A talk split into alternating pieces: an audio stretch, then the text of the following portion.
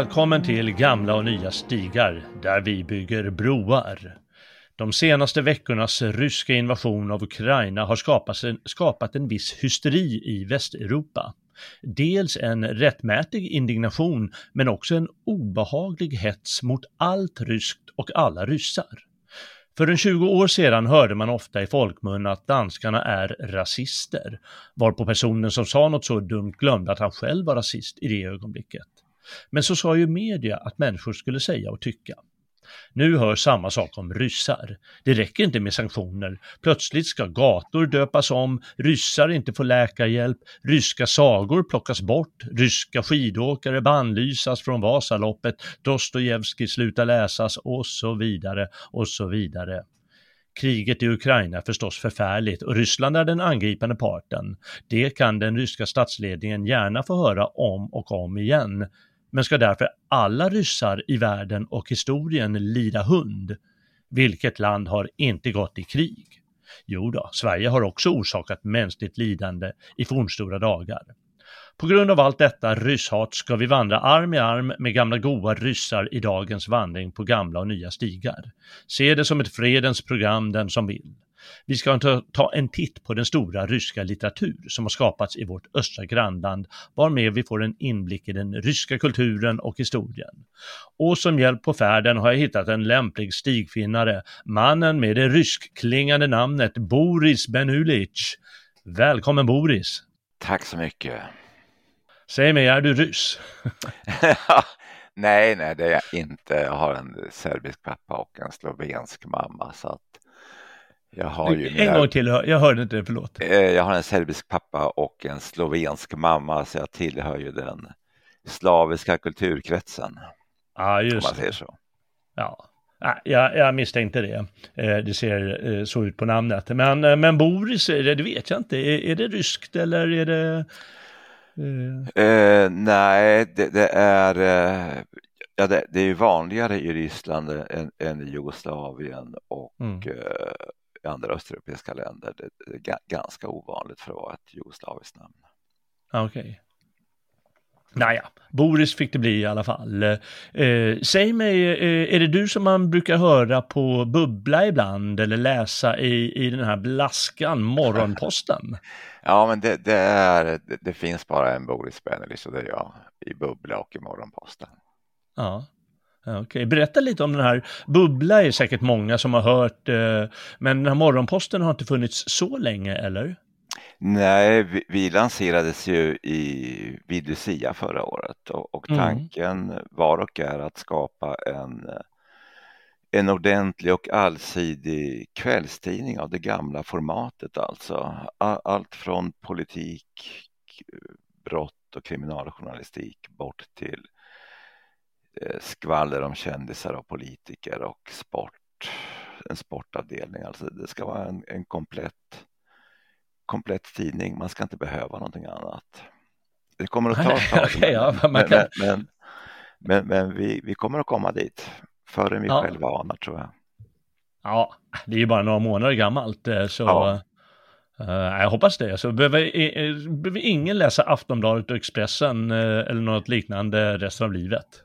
Eh, nej, och inga utländska tabloider heller, utan vi, vi, vi kommer att fylla eh, ett komplett... Man, man, ska alltid kunna gå in hos oss, vare sig man är intresserad av schack eller geopolitik så kommer mm. man bli nöjd. Okej, okay. ja, ni har ganska fräsiga eh, bilder och rubriker har jag sett i gammal god tabloidanda. ja, nej, men det, det, det, har ju blivit en sån här journalistiken är ju ganska kastrerad och tråkig och man märker ju att den mm. görs av människor som som inte tycker att det är roligt. Vi som gör den tycker att det är jävligt roligt att göra tidning. Så, så att, eh, lite grann som det var förr på tidningarna oavsett politisk färg alltså. Det var tokiga murlar som gjorde dem. Mm, mm. Nej, det syns faktiskt att eh, ni har roligt när man, när man tittar på eh, bilderna och rubrikerna och eh, mm. innehållet. Eh, det, det, ser man faktiskt. Eh. Ja. Jag hoppas att det, hoppas att det uh, går bra. Uh, vet du, när jag skrev uh, ordet ryskklingande, då påpekade datorn eller programmet här att det där är inget bra ord. Däremot gick den med på tyskklingande. Eh, ja, det, det, det, är jättemärkligt för att ryskklingande är ju ett väldigt bra ord där, därför att ryska språket och litteraturen bygger väldigt mycket på ljud, alltså ljudrim mm. och, och eh, man anses inte vara en bra författare om, om, om texten nästan inte är sångbar, vare sig man skriver poesi eller prosa. Ja, fantastiskt. Eh, jag kan ju inte ryska, men jag antar att du kan det. Eh, ja, alltså mina lärare ryska genom åren har ju tyckt att jag inte kan det. det är möjligt att, att man, men, men det är ett förtrollande språk alltså, det, det, det måste okay. jag säga. Det, det är. Mm. Mm. Eh, I Sverige är det ju eh, mer än det är några som får ryska automatiskt eh, eh, via militärtjänsten. Mm. Så det finns ganska mycket översatt eh, av ryska eh, på svenska. Ja, det gör jag vet det, inte om alla har gjort den här militärtjänsten, men jag känner i alla fall några som har eh, råkat eh, gå tolkutbildningen i militären. Ja, och, och nej men de, de, de är ju, de, de, blir ju bra alltså. Mm. Definitivt. Sen mm. är det ett problem med översättning av ryska just det här med, med med ljudet, alltså även bra ryska mm. eller engelska, eh, även bra svenska eller engelska översättningar av till exempel poesin lyckas aldrig fånga upp det, alltså det finns något ja. melodiskt där som, som ett helvete att översätta antar jag. Ja, det kan jag tänka mig. Nåväl, säg mig, har du, har du slagits eh, de senaste veckorna också av den här, eh, vad, jag, vad jag kallar då rysshetsen? Eller du kanske stämmer in i kören? Nej, för guds skull, det gör jag inte. Nej, eh, nej men jag, jag, har ju, nej, det gör jag definitivt inte. Det är eh, samtidigt med, med tanke på min nationella bakgrund kan man säga att, att människor i östra Europa har, har ju ett eh, kluvet förhållningssätt. Va? Man, mm. man är väldigt ofta påverkad av riskkultur. Mm. Eh, ett viktigt slaviskt land. Sam, samtidigt finns det alltid en, en misstänksamhet alltså mot, mot ryssar. Mm. Eh, både broderskap och, eh, och, och, misstänksamhet, vilket, vilket, borde, vilket inte är onaturligt egentligen. Men, men rysshetsen idag den har liksom alltid legat där och puttrat. Och mm. Nu har den kokat upp, alltså det har alltid varit det här att eh, ryssar är annorlunda, ryssar gillar knutpiskan. Eh, det, det, är en annan slags eh, varelse, de är inte hemma i Europa, det har alltid funnits där alltså. Och att mm. de stackarna bara väntar på att vi ska komma och eh, ge dem McDonalds och Starbucks, sen blir de, sen blir de lyckliga. Mm, vattnas i munnen på mig. Ja, man, man blir sugen. Ja, nej, jag vet inte, några av, vissa är säkert överdrivna och påhittade och så, men några av de knäppaste är ju liksom den här sopran, stjärnsopranen Anna Netrebko, hon tvingas lämna Metropolitan. Tchaikovsky-konserter har blivit inställda. Någon dirigent i München, han fick åka hem. Ryska katter katter portas från internationella ja. utställningar. Ja, men det får ju vara någon gräns på dårskapen. Ja, nej, men det, mitt favoritexempel är den här framstående ryska pianisten som, eh, skulle ha en serie konserter i Montreal i Kanada. Mm. Han, han, gick ju direkt när kriget startade ut och liksom angrep kriget. Ja. Och angrep Putin. Det hjälpte inte. Du är ryss, du, du, du får inte vara med. Alltså det, det, det, det är helt vrickat hela. Ja, det är verkligen vrickat. Ja, det är som du säger, hon skakar kanske på huvudet där i, eh, i, i Polen eller något sånt över eh, vår överdrivna, jag vet inte vad, solidaritet. Eh, Låtsas solidaritet kanske det blir i längden. Naja. Men jag tror att det, det går väldigt lätt alltså att, att, att rysshets och rysshat får det här genomslaget, alltså därför att man i och med att Europa har fått en amerikaniserad kultur och eh, Ryssland paradoxalt nog har varit bärare av gammal klassisk eh, eh, europeisk kultur. Så mm. det, det, är ganska lätt att skära bort den åt helvete med Tchaikovsky eller Dostojevskij eller whatever eller med bort med allt ryskt därför att det är, man ser, det inte, ser inte rysk kultur som bärare av någonting viktigt för oss Aha. och vårt kulturarv. Nej, ah, det ska vi råda bort på idag i alla fall. Ja. Får vi, det blir väldigt svepande att gå igenom eh, hela den här faktiskt väldigt rika litteraturen. Den har inte så många år på nacken. Liksom det, det, är ganska begränsat det som finns före, låt oss säga år 1700. Eh, men i alla fall i litterär väg. Eh, jämfört med kanske Italien och Frankrike och sådär.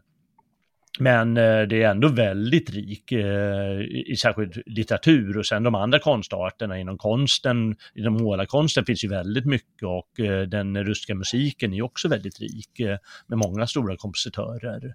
Vi ska framförallt beröra litteraturen här. Det som åtminstone jag behärskar nå lite grann. Hur är det med din läsning av eh, rysk eh, litteratur och ryska gamla goa klassiker? Jo, men det, den är den, den, är ganska omfattande. Alltså jag har liksom allt, nu har jag väldigt sällan, eh, eller jag har alltid läst väldigt mycket skönlitteratur och liksom det, det var på något sätt självklart att man skulle läsa de ryska klassikerna också eh, från, från 1800-talet. Men, men det blev för mig väldigt eh, befriande eh, på, på ett eh, märkligt sätt. Jag menar, som som gymnasist så ska man läsa Dostojevskij och Tjechov och, och andra ryska 1800-talsförfattare liksom för att mm. visa sitt själsdjup och det gjorde jag. Och, och så jag kunde sitta på kaféer och annat och lägga ut texten. Men, men jag tyckte de, de, var så förbannat tråkiga alltså. Eh, alltså in i helvete tråkiga och, och det, vad, vad, sitter de här och gnölar om på 700 sidor och Tolstoj och Dostojevskij. Men, men liksom, eh, jag vågar inte erkänna detta för de, de, de var ju etablerat stora. Så, så att det, det, var egentligen för, först när jag någon gång i 20-årsåldern läste den ryske emigrantförfattaren Vladimir Nabokovs föreläsningar om rysk litteratur Mm. Där han liksom bara sågar Dostojevskij och de flesta av 1800-talsförfattarna. Liksom. det här är dålig teater. Det här är människor som liksom är isolerade från verkligheten. Se här vad illa de skriver. Det, det, var väldigt befriande, alltså mm. på ett personligt plan för att eh, inse att jag måste kunna lita på min egen instinkt här. Så, så att jag har många ryska favoritförfattare men, men, men just Dostojevskij, Tjeck Chekhov, Gorki. Eh, inga favoriter därför att jag tycker att de, att de är stora i, i västvärlden. Det tror jag beror mycket på att de, de står an en sån här tvehågsen intellektuell inställning till, till tillvaron. Mm. Nu kanske jag har tagit liv av några av dina favoriter. Ja, nej, det vet jag inte. Jag har så många så det spelar ingen roll om det är några som dör. ja. Eh, jag satt i radion för eh, några dagar eller ett par veckor sedan och, och eh, pratade lite om hur rysk kultur eh, det målas upp som liksom plötsligt och väldigt separerat från eh, det övriga Europa eller framförallt Västeuropa. Och då har jag försökt eh, säga lite att det där är nog lite överdriven bild. Och det, eftersom jag inte är så insatt är det är jag inte i, i Ryssland. Jag vet att det är rysk, rysk måleri och rysk litteratur från och med, låt oss säga 1700, då är den ju en självklar del av eh, den europeiska kulturen i allmänhet. Eh, och mm. likadant med politiken givetvis. Eh, sen har den givetvis en egenart i och med att det ligger längst eh, österut eh, och det, det, finns en del grejer, vi, kan, vi får kolla lite på det alldeles strax. Men jag tror att den där bilden, den är inte minst skapad av Dostojevskij och Tolstoj.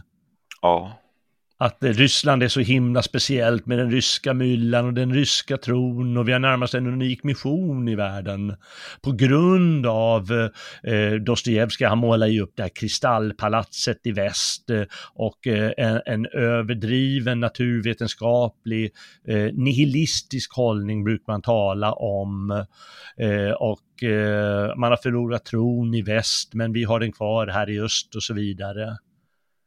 Mm. Något du känner till? Ja, Nej, men, och, och ja, och, och, det där gjorde ju liksom att, eh, att man fick att, att eh, de fick det här genomslaget också i väst. Alltså, mm. det, är också en sån paradox att man, man, är, man säger sig vara väldigt rysk men man formulerar frågeställningar och problemställningar som vinner an, anklang liksom hos eh, intellektuella i väst och, och Eh, Eh, och, och eh, läsande medelklass. Eh, det, det, det, är intressant det där och, och de etablerar både bilden av ett, Ryssland är annorlunda, två, det här är de frågor vi ska grubbla på och, och men lutar man sig bakåt och tittar så, så är det väl ganska självklart att man inte ska grubbla på om man har rätt att dra yxan i huvudet på någon som har pengar.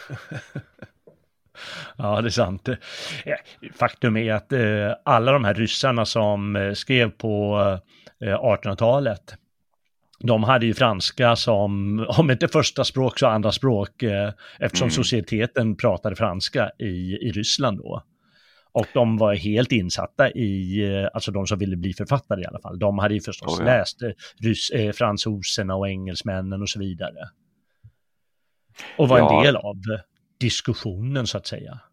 Oh ja, det, det är, man, man, glömmer ju eh, väldigt ofta bort, alltså det, det där är lite, eh, man, man, kommer ihåg författarna alltså eh, och, och eh, de, de har liksom anammats av i den västerländska kulturen. Men, men samtidigt glömmer man ju liksom bort hur självklara ryska vetenskapsmän och filosofer var, var liksom i, i slutet av 1800-talet, början av 1900-talet. Spel, spelade väldigt stor, stor roll alltså. Mm. Eh, men, men det är alltså naturvetenskapsmän, geologer, geografer, historiker, de, de är helt bortopererade ur, ur, ur, ur västerlandets idéhistoria. Det går inte att hitta dem i antologier och annat, de, de är icke-existerande. Mm. Ja, lite synd det där. Ja, se om det kan bli ett uppsving så småningom. Nu dröjer väl eh, ett par årtionden kanske, men det kan ju komma tillbaka intresset för det.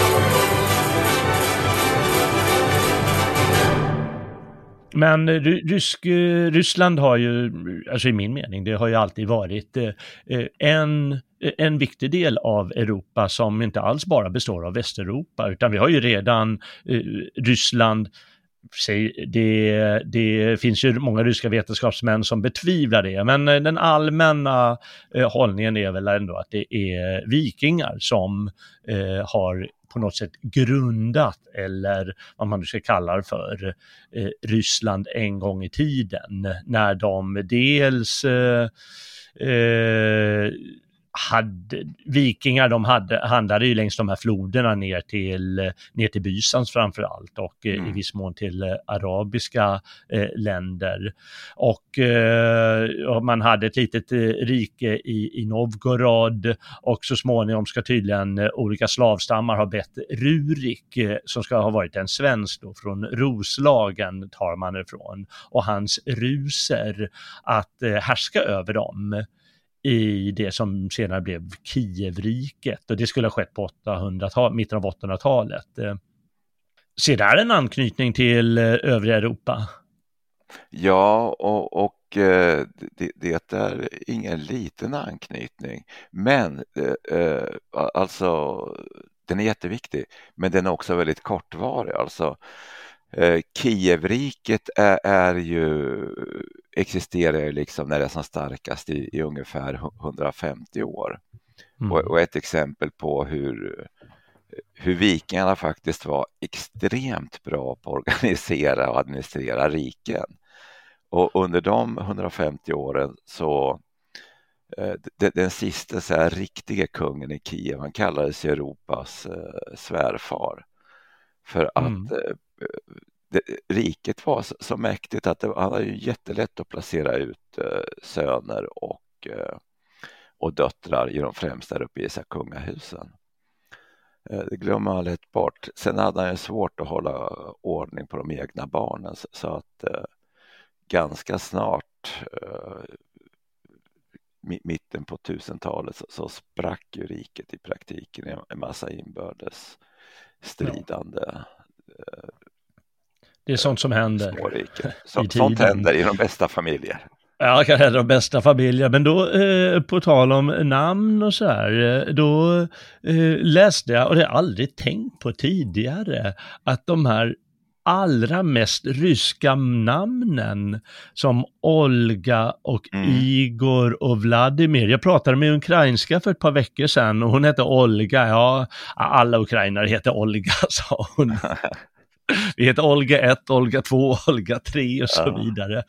Men då, då läste jag att Olga, det kommer från Helga. Igor kommer från Ingvar och Vladimir kommer från Valdemar. Mm. Otroligt. Nej, det där är intressant faktiskt för att man har liksom två eh, det finns ju två stora grunder för, för eh, säga, ryska och ukrainska förnamn. Det, det är faktiskt de, dels eh, påverkan av, av eh, de, nord, nordiska namnen och det andra mm. kommer liksom från folkstammarna österifrån. Så att, mm. Eh, Just det. Och så några då kristna namn förstås. Mm. Och det kristnades ju Kievriket från Bysans. Och det har ju mycket, från, mycket av sin kultur från Bysans därmed, inte minst språket eller skriftspråket rättare sagt, det som kallas kyrkoslaviskan som var ett par bysantiska bröder eh, som uppfann, eller vad man ska kalla det för, mm. eh, satte ihop eh, Eh, så eh, givetvis den, den, kristna kulturen kom därifrån och inte då från till exempel eh, Rom alltså. Men man får inte glömma att Bysans och eh, eh Västeuropa, särskilt när det gäller litteraturen, hade väldigt stort utbyte, att de influerade varandra i berättarkonst och, och, och mycket annat. Det var väldigt populärt med Bysant, historier som uppstått i Bysans i väst och samma sak eh, där i Bysans. Eh, eh, så det är också ändå en anknytning till en mer allmän europeiska, även om då bysantiska blir liksom lite speciellt. Och de har ju sin ortodoxa kyrka där i öst eh, och så. Men det, där, där kan jag, att, eh, men det är ju också ett mycket medvetet val som eh, Kievkungen som konverterar till den ortodoxa tron och blir påverkad av Bysans gör. Alltså för, för att han, han inser att han var ju ursprungligen en, en jag på säga, fanatisk hednadyrkare. Kiev var ju känt eh, mm. för att det fanns så att säga avgudabilder överallt. Men, men, men han gick mycket metodiskt tillväga, alltså han insåg att alltså vi, vi, måste ju anta någon, någon annan religion än, än den hedniska den är lite på upphällningen. Mm. Framför att kunna bygga allianser. Som, som han skickade ut eh, delegationer för att prata med representanter för judendom, islam, katolicism och, och de kommer alla tillbaka med rapporter om att det där är ingenting för oss. Det är för, för, förvekligade religioner. Och eh, det, det, var liksom först i kontakten med, eh, när man liksom Bysans var det enda som höll, höll måttet för dem och, liksom, och den ortodoxa tron. Mm. Det skulle fungera.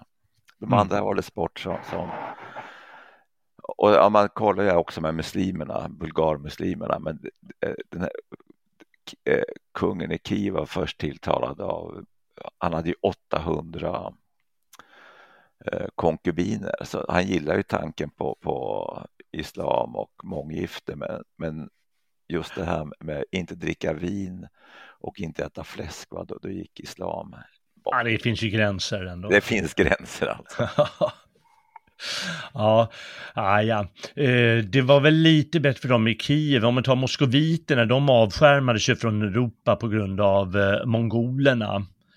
Som hade dem, det var ju lydstat mer eller mindre under, eh, vad heter det, Gyllene horden tror jag de kallar sig för. Eh, mm.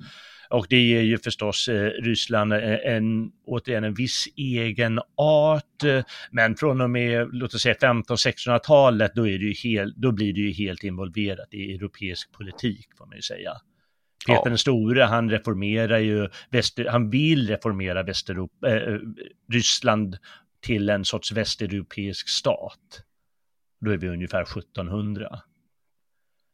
Så ju närmare vi kommer, om vi kommer in i modern tid i alla fall, då är det ju helt klart att Ryssland är en del av Europa. Måste man väl ändå säga. Ja, alltså det är vid, vid, vid den tiden så, så det, det råder ingen som helst tvivel att man, man betraktar eh, Ryssland som en, del av Europa. Om inte annat för att de, de, de finns ju överallt. De hämtar, befinner sig i krig med europeiska länder. Och, eh, men man är också väldigt bra på, på att uh, ta in europeisk kunskap alltså. Och vissa mm. städer stampas ju fram ur marken med hjälp av europeer som Adessa till exempel. Mm. Sen har ju Sen har ju Ryssland kallats lite efterblivet eller sådär, det är på grund av att man har kvar den här gamla livegenskapen ända in till slutet av 1800-talet eh, och eh, lite andra gamla strukturer. Men jag menar, det fanns ju även i, i, i Preussen fanns också livegenskap eh, ganska länge, så får man väl säga att det, det är en del av, av det europeiska arvet helt enkelt att ha sånt det är det och tittar man liksom till exempel på hur, hur fr franska bönder levde i rätt stora delar av Frankrike in på 1800-talet. Mm. Eh, där man bodde i jordgrottor under vintern. Eh, eller delar av Spanien till exempel. Så eh, levde, levde, i, i Ryssland som, som i rätt många europeiska länder så, så berodde det väldigt mycket på på godsägaren helt enkelt, levnadsförhållandena för, för bönderna, mm. inte så mycket på deras ställning formellt. Nej, just det, precis. Ja, det är sant. Eh, om vi ska nämna något om den äldre litteraturen innan vi kommer in på, ja, egentligen år 1800. För det är ganska roligt med så här äldre, gammal, gammal litteratur eh, tycker jag. Eh, då finns det, eh, för att nämna de mest vanligaste genren eller verken, Nestorskrönikan, det vill säga en krönika om Kievrikets historia, där man just kan läsa om hur Rurik och grabbarna grundade riket.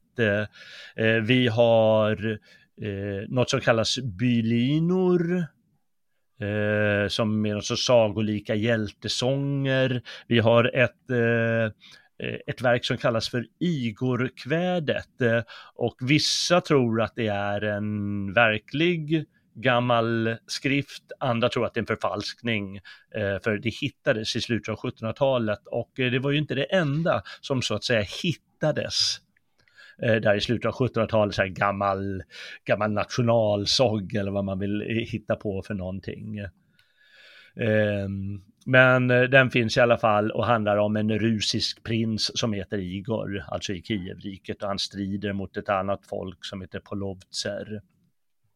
Och så finns det helgonberättelser och folksagor och annat. Och i, om man tittar på de här genrerna så är det ganska likt vad som finns eh, i övriga Europa. Inte precis likadant, men det finns här krönikor och det finns de här folksagorna och det finns eh, eh liknande eh, kväden om, om prinsar och andra, eh, vad ska jag säga, äventyrare. Är det något av de här som du har läst? Eh, Nja, alltså jag har tagit del av, av uh, väldigt mycket gammal rysk här, litterär kultur uh, som är så här, muntlig. Därför man ska komma ihåg att mm. läskunnigheten var ju inte så jäkla utbredd i, i Ryssland. Man, man, man höll snarare efter den där, det ansågs skadligt om, om allt för många kunde läsa. Och sen var ju censuren under eh, en del av tsarerna fruktansvärt brutal. Man, man brände, eldade gärna upp tryckpressar och annat som ansågs vara skadliga. Men, så, så att eh, den ryska litterära traditionen är ju väldigt mycket eh, muntlig och berättande. Och, mm. och eh, man, man, har ju stort utbyte av eh, Afanasjevs eh, sammanställning av ryska folksagor och legender kom i slutet på 1600-talet, kom en massa nyutgåvor. Och det öppnade också Europas ögon för, för vilken rik kultur det var. Mm. Uh, och där, därifrån kommer nog väldigt mycket just det här med, med det melodiska i, i rysk poesi. Att uh, det, det gäller ju att gripa tag i den som lyssnar. Mm. Det räcker inte med att det fint på pappret. Nej. Just det. Eh, det är spännande att läsa sådana här gamla folksagor och eh, krönikor och alltihop, men eh, får ju ta ett snabbt kliv då, då eh, den ryska litteraturen, där man det skrivs egentligen först från och med 1700-talet eh, på allvar, rysk litteratur och eh, då så följer de mönstren som, som finns i övriga Europa. Ibland efterbildar man, ibland är man sin egen, eh, har man egen art. Eh, eh, men ja, vi får se hur det är med det. Eh, det man brukar prata om guldåldern i rysk litteratur, det vill säga eh, början av 1800-talet. Eh, och det var, jag brukar kalla det romantisk era här. Och störst av dem alla är förstås eh, eh Pushkin. Och jäklar, nu tappar jag förnamnet. Jo, det jag också. Man säger ju alltid bara Pushkin. Man säger bara Pushkin. Jag får ja. slå upp i en bok här. Jag har, så, jag har massa olika böcker eh, framför mig. Alexander Pushkin ja. förstås. Eh, och eh, även om han hette Alexander så hade han ju eh, påbrå eh, från Nordafrika av alla mm. områden. Ja. Han såg ju helt rysk ut, kanske lite lätt svartmuskig, men eh, jag vet inte, han hade någon anfader eller anmoder som kom från Nordafrika. Eh, som man poängterade ibland, eh, mm. förstås för att vara lite egensinnig.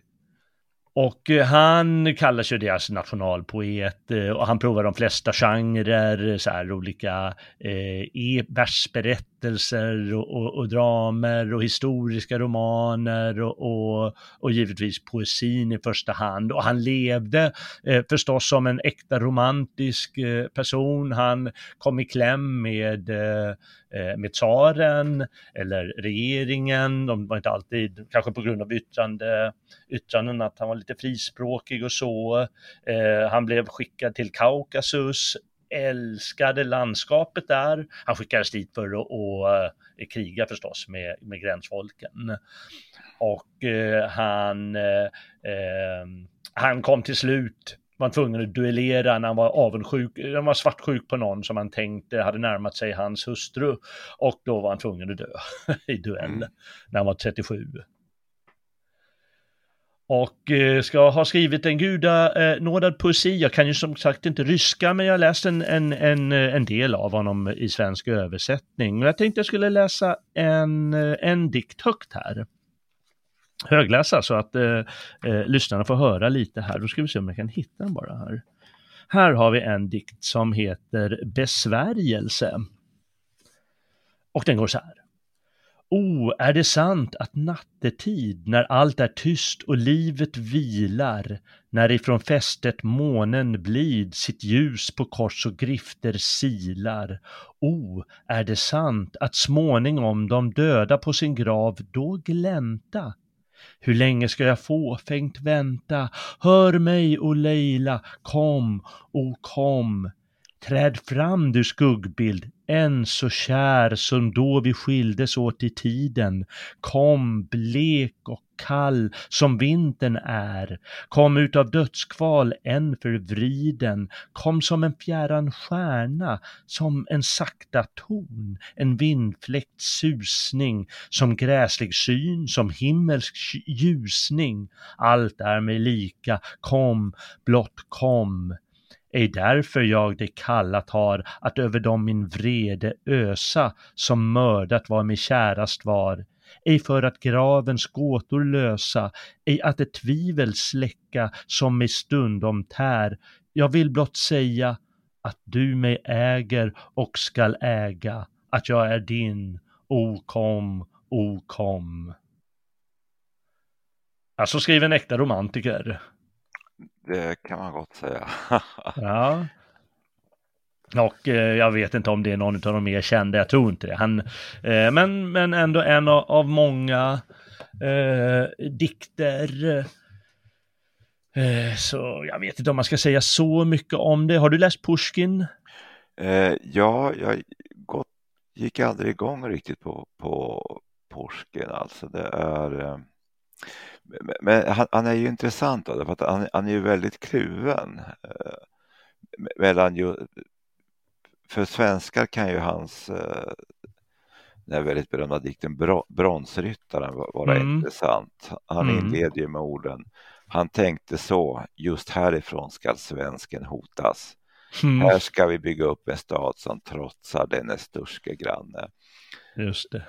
Och, och, det och bronsryttaren är... är förstås eh, eh, Peter den store. E exakt. Ja.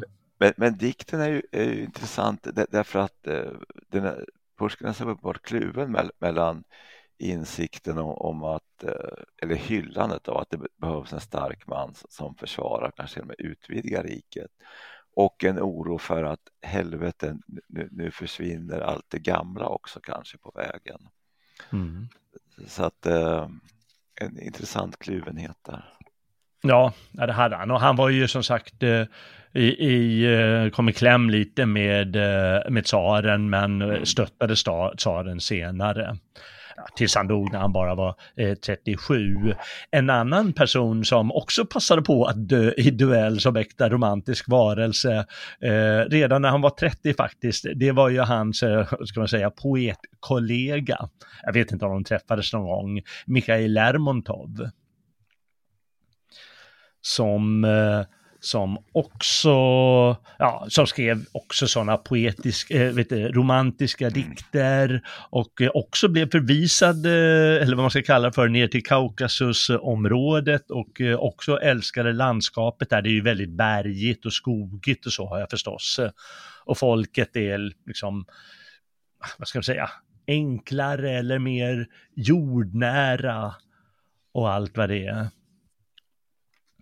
Eh, han är mest känd för sin roman, får man kalla det för, Vår tids hjälte, som snarast är en antihjälte. I äkta romantisk anda, nu kommer inte jag ihåg exakt, men det är liksom kval och problem och, och, och så. Eh, har du läst den boken? Ja, och det, det, det, den är, kan beskrivas precis som du säger. Samtidigt så, så finns det hela tiden en, en eh, en självironisk eh, dra, dragning i det hela. Att, vad, vad, är det för jäkla tjafs och, och själskrubbel och annat och så vidare. Mm. Så, att eh, det är också där en kluvenhet fast av annat slag. Men sen måste man säga att jag kan inte undgå att tycka att det, det är lite tjusigt va? Med, med poeter som går ut i dueller. Vi, vi skulle ju ha mycket roligare svenskt kulturliv om de börjar skjuta av varandra på skogen. ja, det får du faktiskt börja med, vilken bra idé! Ja, jag, jag tycker vi ska uppmana dem att duellera med varandra. det är lysande. Kan inte journalisterna också börja? Ja, nej men alltså för guds skull, hela kultureliten. ja, men tänk, man, man, hade ju sluppit det här debaclet med Svenska Akademin och Jean-Claude Arnault och liksom de hade liksom dragit en handske i ansiktet på varandra och skrikit ja. vi ses i gryningen. Just det. Undra, ja, precis. Istället, ja, ja, det låter lysande. Ja, ja, vi får hoppas som, eh, att de lyssnar och inspireras. Ehm, ja, ja eh, absolut. Jag tänkte läsa bara två små, eh, några versrader ur en dikt av Lermontov eh, eftersom den heter Rusalkan. Och Rusalka är ju ett, eh, ett, sago, ett ryskt eller ett slaviskt sagoväsen. Det påminner kanske lite om Näcken fast det är en kvinna. I floden Rusalkan sig svingar i dans, lyst av månens förtrollande glans och skum av försilvrade böljornas lopp hon försöker att kasta dit upp. I virvlar de solande vågorna fly, där i speglar sig himmelens sky. Rusalkan hon sjunger och sången dör hän bortom stranden bland lummiga trän.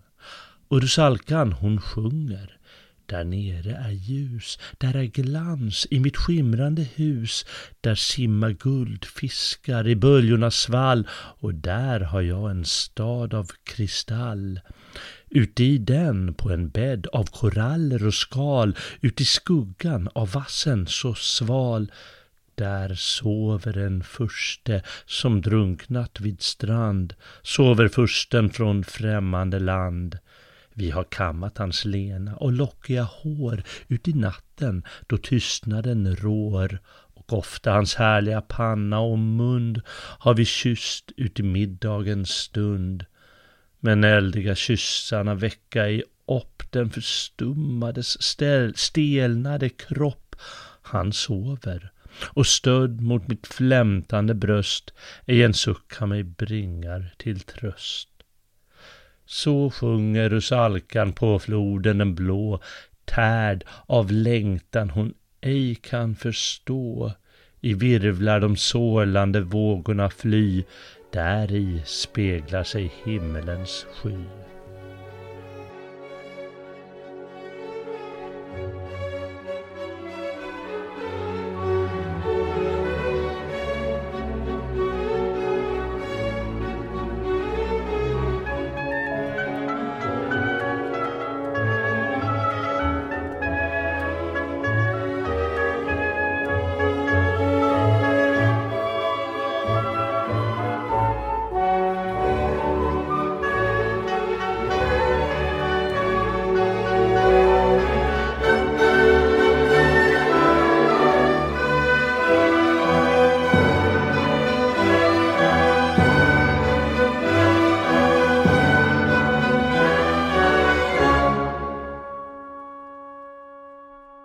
Har, du, eh, var det någonting mamma berättade för dig om uh, Rusalka när du var barn? Nej, inte vad jag minns. Nej, jag missade det. Nåja, de är särskilda. Vi ska, vi ska ju säga någonting om en nästan samtida med de här eh, att det är inte så många ukrainska författare vi eh, tar upp här. Och eh, delvis beror det på att eh, uk, eh, ukrainska väldigt sent blev ett eh, vad ska jag säga, litterärt språk. Mm. Det var ingen som skrev på eh, ukrainska. Och som är ganska likt ryska om jag har förstått det rätt. Även om ukrainarna oh. säger att det är väldigt, väldigt speciellt. Men eh, eh, Nikolaj Gogol, han var i alla fall ukrainare av börd. Han var född, ja det vet jag inte var exakt, men han skrev på ryska. Eftersom det var först mot slutet av 1800-talet folk på allvar började skriva på uh, ukrainska. Men har du läst in Nikolaj Gogol då? Ja, nej, men han, han tillhör en, en av de stora uh, favoriterna faktiskt. Uh, mm, ja, du har ju humor och han är ju en stor humorist. Ja, och ryska författare, de är inga lustigkurrar precis. Så det, det, det, finns ju få bra ryska satiriker och annat. Men, men eh, Ukraina har ju faktiskt frambringat eh, ett par stycken, Gogol och, och Bulgakov. Så att, eh, mm. Ja, de är verkligen humorister båda två på varsitt sätt. Um, det är lite svårt. Jag, jag har ju läst de här Petersburgsnovellerna som är, är mest populära. Uh, den här kappan om en person som han saknar, blivit av med sin nyköpta kappa stackaren och så letar han ja. efter den och så vet jag inte om han dör och, och går som en vålnad och letar vidare efter den eller näsan men hur en barberare sitter och äter frukosten och så hittar frun en näsa där i tidningen. Och det är någon som råkat, eh, eh, jag kommer inte ihåg, men det är sån burlesk humor förstås. Ja, och väldigt ovanlig vid den tiden. Alltså även med, med, han, han, är ju liksom en nyskapare och pekar framåt liksom. Sa, ja. Absurda stilgrepp, det, det är ganska mm. förlösande att läsa. Ja, det är det. Ja, och eh, för de som inte vill ha de här tjocka romanerna på 700 sidor, då kommer ni läsa de här novellerna som är Absolut, lite kortare. Ja. Ja, jag läste i en bok här i, igår att eh, det var ju häftigt förr i tiden för sättare av böcker. De var ju tvungna att läsa igenom det. Mm. De skulle sätta. Inte nu går det bara det in med i dataprogrammet ja, och så tjofflas det ut böcker några meter bort. Eh, utan då läste de igenom det och de satt tydligen och skrattade läppen av sig när de läste igenom Goggles eh, grejer. Det tog ju lång tid innan det kom ut i tryckeriet. Ja, nej, så var det ju liksom eh, de, de som jobbar på boktryckerier med tidningstryckerier för de, de läste ju allting och, och blev, blev ofta höll jag på säga, ibland mer bildad än de som hade skrivit. Jaha, verkligen. Det hela. Och en väldigt ja. bra språkkänsla också. Ja, ja givetvis. Mm. Nah, vi, vi ska väl gå över till de stora stötarna nu då, nu när guldåldern är förbi. Och då är det de som du inte är lika förtjust i då, det, och det är de här stora så kallade realistiska författarna som skriver stora romaner. Mm. Och först ut, äh, jag vet inte först ut, men först känd i, i väst och mest läst i väst eh, till att börja med faktiskt. Är en kille som heter Turgenev, heter han Ivan Turgenev eller? Ja. Ja. Och eh, han blev väldigt populär i, i väst, det är väl framförallt Frankrike då.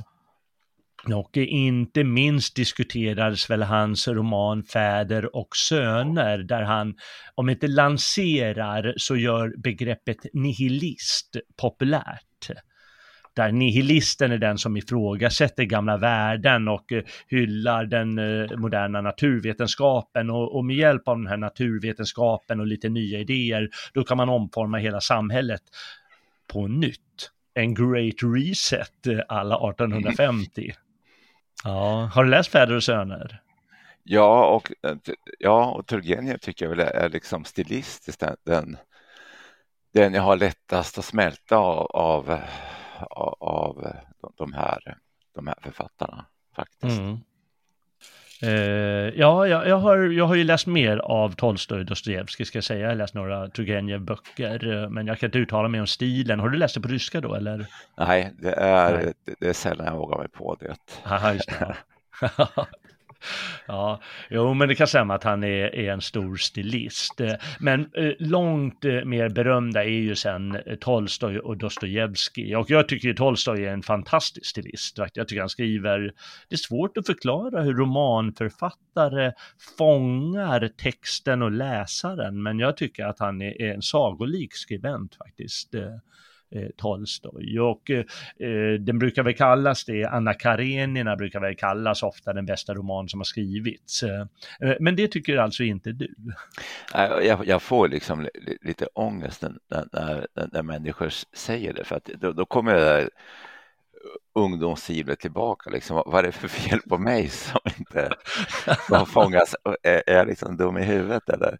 Men, men jag blir sagt var förlöst av Nabok och, och, och, jag tror det helt enkelt är, är så här va? att eh, det, det, det, finns, eh, det vore ju underligt om vi alla hade samma eh, samma typer av författare författarfavoriter och poetfavoriter skulle bli en sällsynt trist värld också och saker mm. vinner olika anklang hos olika personer. Så, så, så att mi, mi, mitt, eh, mitt avståndstagande, är något som ett starkt ord från dem, är ju mer betingat av att jag tycker att det är, de skriver väldigt mycket om, om, om saker som är liksom konstruerade problem. Mm. Eh, det, det, det, är mer en politisk motvilja. Sen har jag full förståelse om, om andra personer liksom fångas av själva berättelsen. För, för, för mig står liksom den, den, en fyrkantig politisk analys i vägen för att jag ska få, kunna Nej. fångas av berättelsen. Ja, det är ju farligt. Politiska analyser, jäklar. Då måste du lobotomera. Jag måste väl lobotomera så du Boris. Ja, måste vi få det, bort. Det, det, kan bli problem ibland ah, ja, vi låter väl bli då. Men för den som eh, kanske ny, eh, blir nyfiken eh, när eh, jag påstår i alla fall att det brukar kallas eh, världens bästa roman, så kan vi bara säga att den handlar om eh, Anna Karenina som är gift med en träbock eh, eh lite grann, han är ganska tråkig och så. Och eh, som man gjorde förr i tiden så skaffade hon sig en älskarinna, älskarinna, en älskare. Och jäklar, jag kommer inte ihåg vad han heter nu. Eh, Ayana. Ja. Ah, strunt samma, något heter ja. han i alla fall. Och det blir lite så här halvskandal, men eh, eh, ja, till, till slut så, så går det så att hon börjar få ångest eh, eh för det här. Det blir liksom, hon blir lite eh, paranoid och, och eh, hon blir svartsjuk på sin nya älskare så småningom också. Och eh, samtidigt skildrar han eh, en eh, jag vet inte om det är hennes bror, Annas bror, eh, Levin och hans problem att hitta rätt person som man till slut hittar, men också om hans problem med livet, hur han försöker hitta en väg i denna värld som ändå för en tänkande människa kan framstå som helt störd egentligen. Det är bara, det är så mycket död och så mycket problem och, och vad är min roll i det hela och han grubblar ganska mycket över de där sakerna och till slut så hittar han det liksom i det, den, den här, vad sa vi från början där, det som har gjort att ryssarna anser sig så speciella i den ryska myllan och den ryska tron och så vidare istället för de här västeuropeiska idéerna som hade blivit på mode. Han grubblar så här på ett ställe. Jag sökte ett svar på min fråga. Men svaret kunde jag inte få av förnuftet därför att det tillhör en helt annan värld än frågan. Nej, svaret har jag fått av livet självt, av min inre visshet om vad som är gott och vad som är ont. Och detta vetande har jag inte förvärvat, det har givits mig och alla människor. Givits därför att jag inte har kunnat ta det någonstans ifrån. Förnuftet har upptäckt kampen för tillvaron och den lag som bjuder mig att slå ner alla som står i vägen för tillfredsställandet av mina önskningar. Detta är förnuftets logik. Men att man ska älska sin nästa kan inte ha sin grund i förnuftet eftersom det i sig själv är oförnuftigt. Och det är ändå ganska spännande att följa hans väg, Levins väg till, till den här behagligheten. Han försöker gå ut och, och, och, och hjälpa bönderna och skörda och sådana grejer. De bara skrattar åt honom förstås. Mm. Han försöker använda en lie. Det är inte så jäkla lätt att använda en lie. Nej, det är det inte. Nej. Jag har försökt några gånger och ja, jag var väl, blev aldrig någon, någon expert kan jag inte påstå. Jag kommer ja. heller aldrig att bli det. Nej, nej, nej. Vi, vi, vi överlåter det åt, eh, vad sa vi, Sveriges poeter, att de får duellera ja, med lie. Exakt. Där har vi det. Ja, och så, sen är han förstås lika känd för, för krig och fred, ett ännu större romanbygge. Och det ska ju säga att han liksom vill skildra en stor del av den ryska inte den ryska världen, men den ryska societeten ska vi väl säga i alla fall, att han fångar ett helhetsgrepp där figurerna, eh, där han får med väldigt många figurer i det här och ännu större är då krig och fred som handlar om eh, tiden under Napoleonkrigen, där man får följa några släkter. Mm. Eh, Dostojevskij, ja han, han Eh, honom tycker, tyckte du inte heller var eh, så förtjusande när du var ung? Ja, det, det, gör, det gör jag fortfarande inte alls, utan det är, men precis som Tolstoj och, och eh, Turgenev så, så skildrar de här tre författarna, tycker jag, väldigt mycket den, eh, eh, alltså rikare människor och eh, de bildade grupperna i Ryssland, deras eh, att de, de, de var så oerhört avskilda också från vardaglig verklighet som försökte orientera sig mellan religiösa uppfattningar, eh, västeuropeisk liksom, naturvetenskapsstyrkan och eh, de, de, de, de, hade ju ingen egen praktisk, eh, de, de, de, levde ju i sociala grupper som inte hade någon större funktion egentligen, som var tvungna att hitta någon mening i livet. Mm. Och mm. en del av dem ble, blev ju slavofiler och russofiler och eh, som Tolstoj liksom tillbaka till mm. jorden.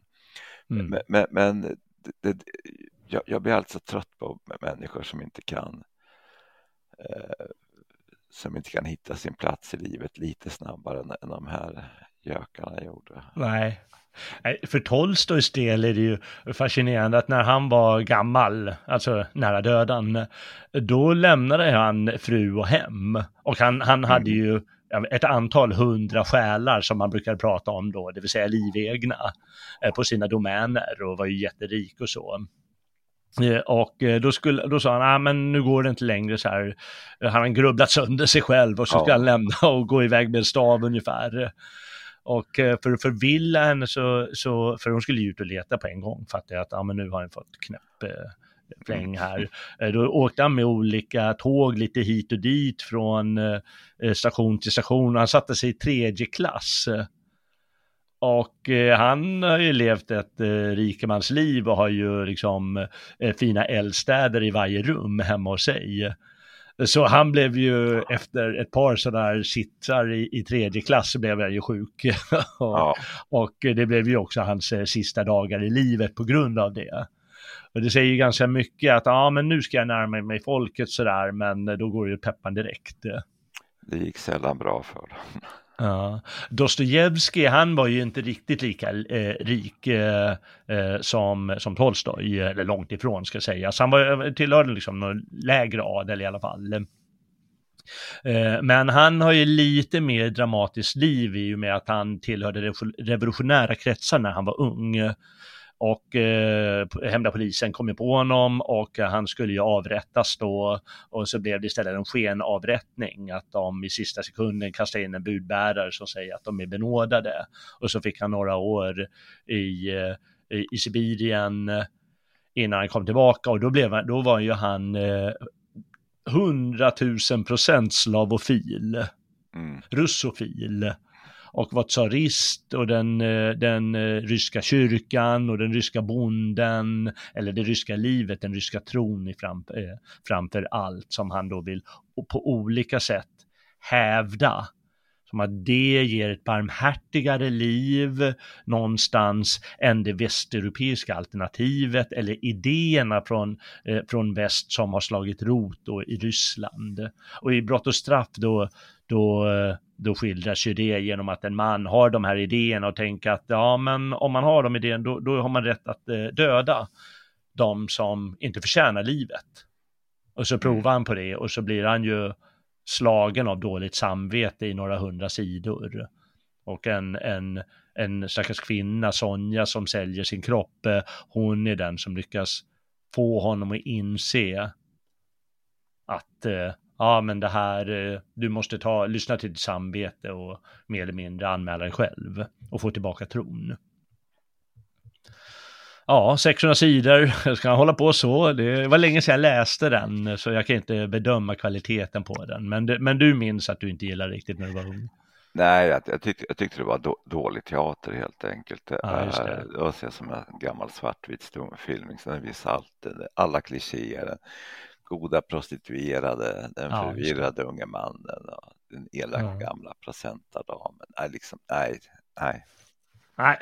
Och, det men det här med att, att Dostojevskij inte var rik, det, han kunde ju varit rikare än Tolstoj, men, men han, han, var ju uh, manisk spelare också. Han var manisk spelare, ja precis. Ja, så fort han drog in en massa kulor så spelade han bort det på uh, roulette och kortspel och så vidare.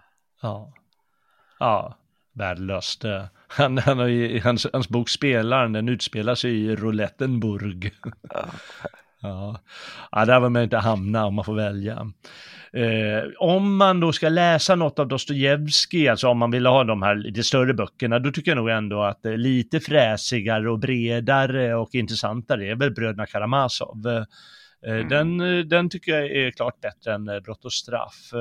Och den har lite mer nyanserade figurer, även om det återigen är liksom den ryska tron som går segrande ur det. Så ja, den, den, tycker jag, den tycker jag kan rekommendera, men det är ju en 800 sidor man måste plöja då. Mm. Ja, men den, den är för... Jag håller med dig, ska, ska man ta någon bok av Dostojevskij ska man satsa på den. Mm, just det. Eh, Anton Tjechov, han går lite i deras fotspår, bara att han skriver noveller istället. Eh, han var inte heller någon av dina favoriter. Jag är inte så förtjust i de här skådespelen han skriver. Nej, nej. Nej.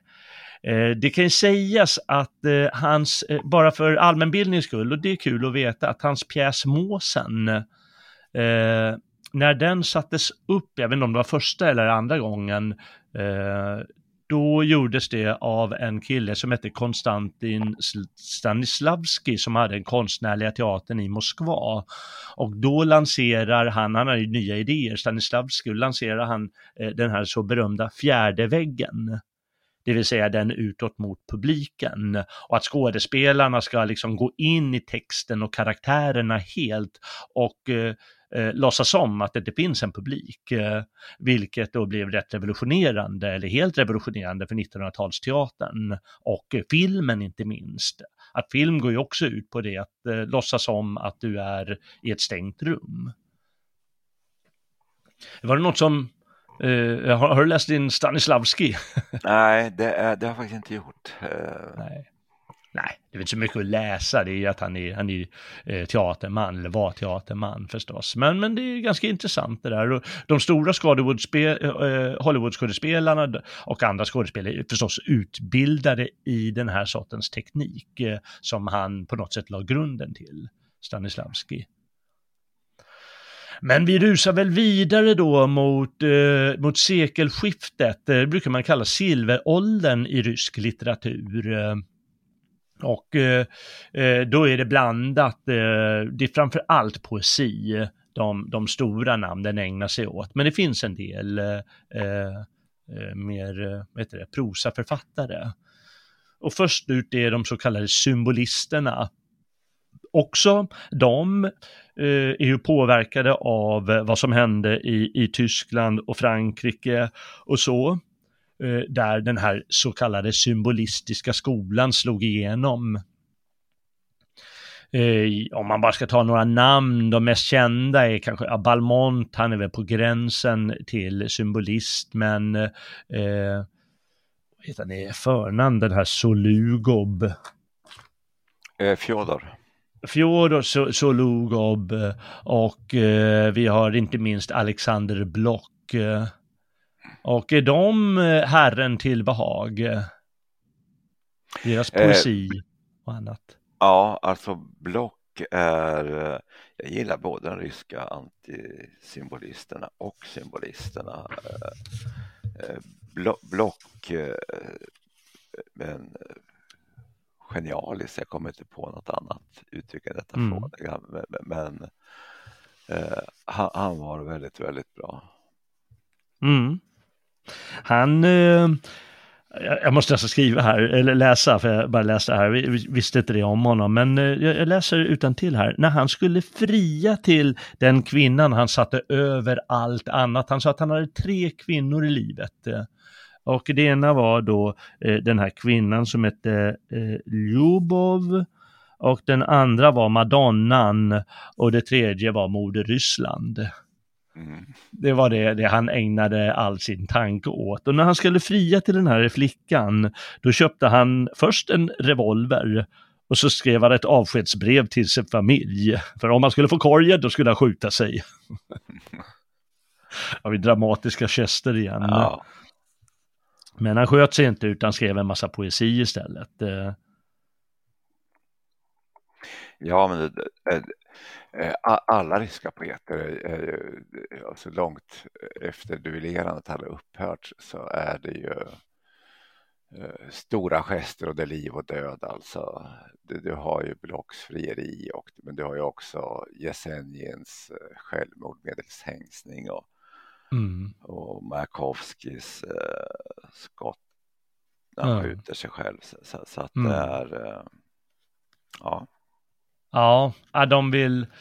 Det ingick ju för, särskilt de här symbolisterna före Majakovskij och så, att, eh, att leva ut det poetiska livet eh, som en gammal romantiker, eh, som de inspirerades av givetvis också.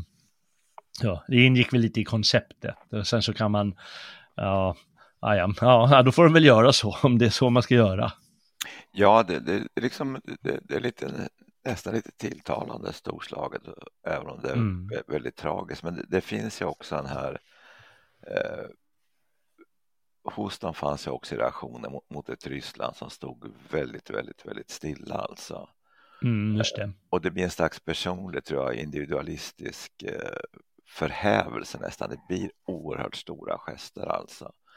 Ja. Och, och sen kommer det här bakslaget när, och det är därför många av, av symbolisterna och futuristerna hälsar ju revolutionen som 1917 som ja, ja precis. äntligen händer någonting ungefär. Mm. Sen, sen blir de ju oerhört nedslagna när, när eh, Block skriver en fantastiskt vacker dikt, Det 12. Just det. Och, och sen, mest kända. Ja, sen går det går ganska kort tid när han liksom blir besviken på revolutionen och nästan dör tror jag av, av besvikelse. Det är samma sak med Jesenjin och Majakovskij. Äntligen händer det något men, men sen kommer ja. liksom verkligheten i fatt och eh, ja, då ser de inga andra utgångar än att ta bakdörren så att säga. Nej, just det. Nej, äh, det blev ju hårt för, för många av dem. Eh, eh, de hade en eh, systerskola eller en grupp som kallade sig akmeister efter något grekiskt ord. Jag kommer inte ihåg vad det betyder nu.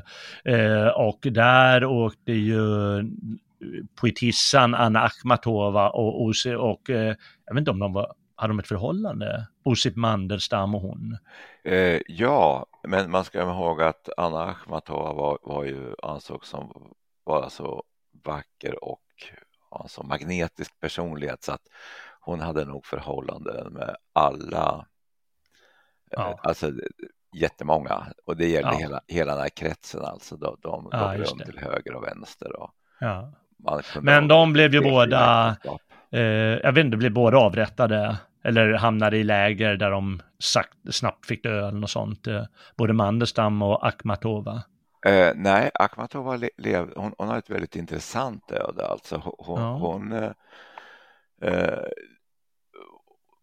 och väldigt storslagen som diktare. Hon, hon, eh, alla tror ju, hon lever utomlands ett tag efter revolutionen men, men återvänder och då har ju både henne, hennes män dött mm. i läger av umbäranden eller genom att ha avrättats och hennes son som är extremt intressant när det gäller kultur tillbringa tre omgångar i läger och blir inte fri förrän på 50-talet. Mm. Men Akhmatova stannar ändå därför att hon, eh, hon tystnar lite och kommer tillbaka efter så här 15 år som poet och, och skriver men blir inte publicerad förrän senare. Och, och sen finns det här att eh, ungefär allt är åt helvete i, i mitt land just nu. Jag tar livet mm. av mina älskade, men jag stannar i alla fall. Ja, just det.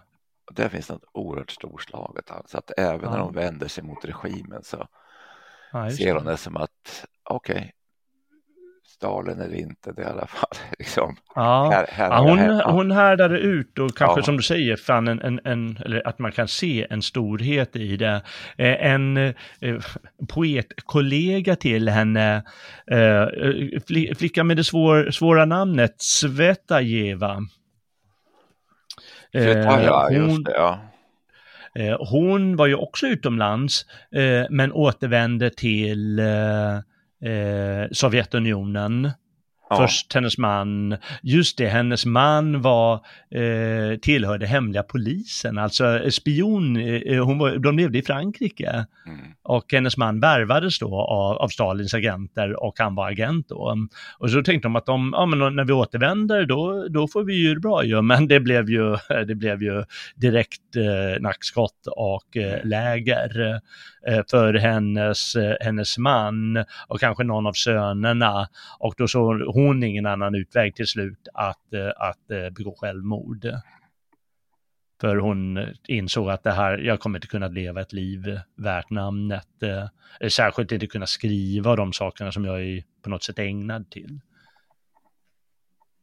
Ja. Nej, och där finns ju två intressanta saker. att Många återvände eller stannade och, och en del eh, klarar inte av att stanna. Men, men det är mm. förvånansvärt mm. många som liksom eh, eh, uthärdar och, och i vissa fall gör kompromisser utan att sälja sig för mycket men, men som ändå att eh, den ryska jorden eller de ryska städerna vill man inte bort ifrån bara.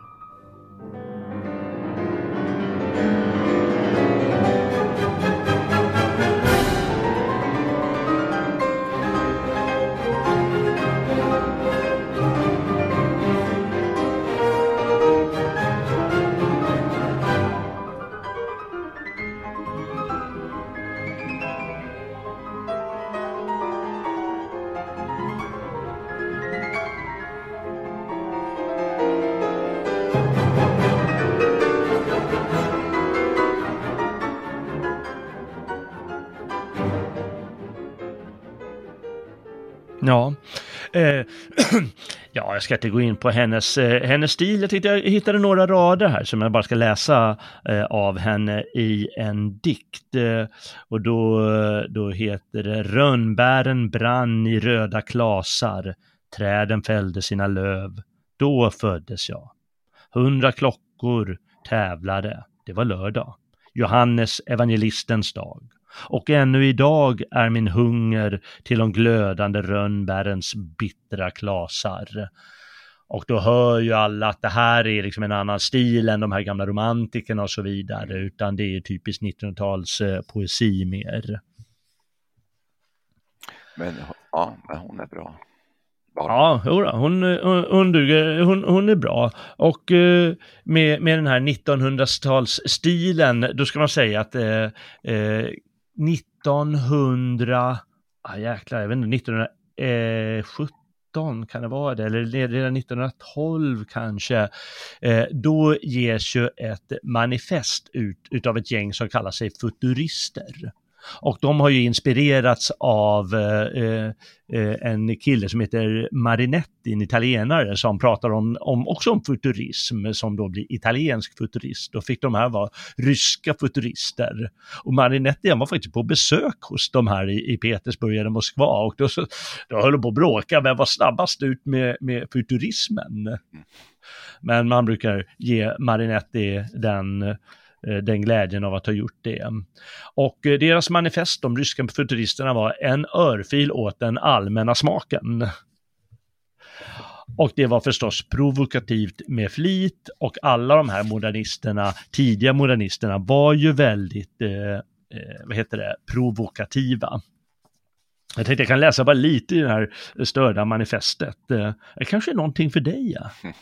Ja, nu ska du få här. Ja. Här kommer vår nya första överraskning för läsarna. Endast vi representerar vår tids ansikte.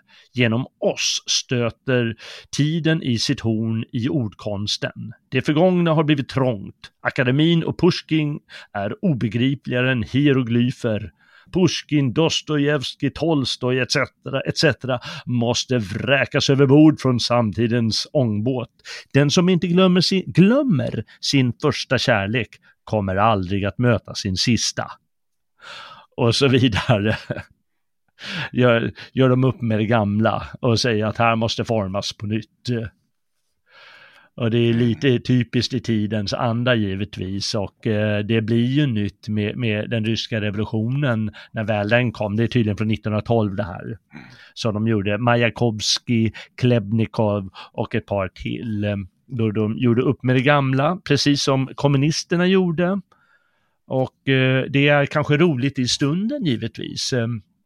Eh, och en del av den här litteraturen, den håller ju i, i längden, men allting håller ju inte, det är lite dagslitteratur.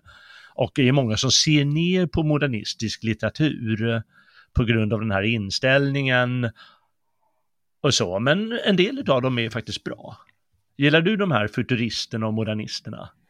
Eh, ja, modernismen har, har, jag svårt för i sig, men, men däremot så, så har jag en håller på att säga barnslig förtjusning i futuristerna, både de ryska och de, de, de italienska. Alltså det, det, finns ju en oerhörd energi och, och eh, fräckhet i det hela. Att, mm. Åt helvete med det gamla, är de hela traditioner så förstår jag det i, i både den italienska och eh, ryska sammanhanget. Alltså, vi har ju två stycken det, det finns sådana likheter mellan, mellan fascismens kultur och, och bolsjevismens vid den här tiden. Mm. Att, två länder liksom i utkanten, allting står stilla, nej, nu måste vi röra oss framåt.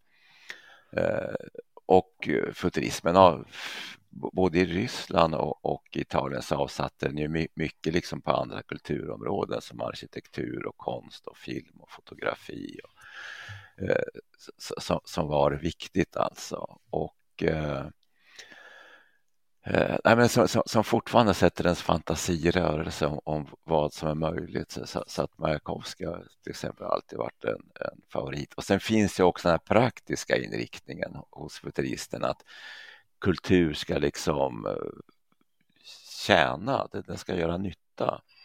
Så, så Majakovskij försörjde sig ju tidvis med, med att skriva annonstexter och sådana saker. Det skulle vara, sälja mm. gummistövlar, liksom. man skulle göra nytta. ja, det skulle ju aldrig någon av de här symbolisterna få för sig att göra.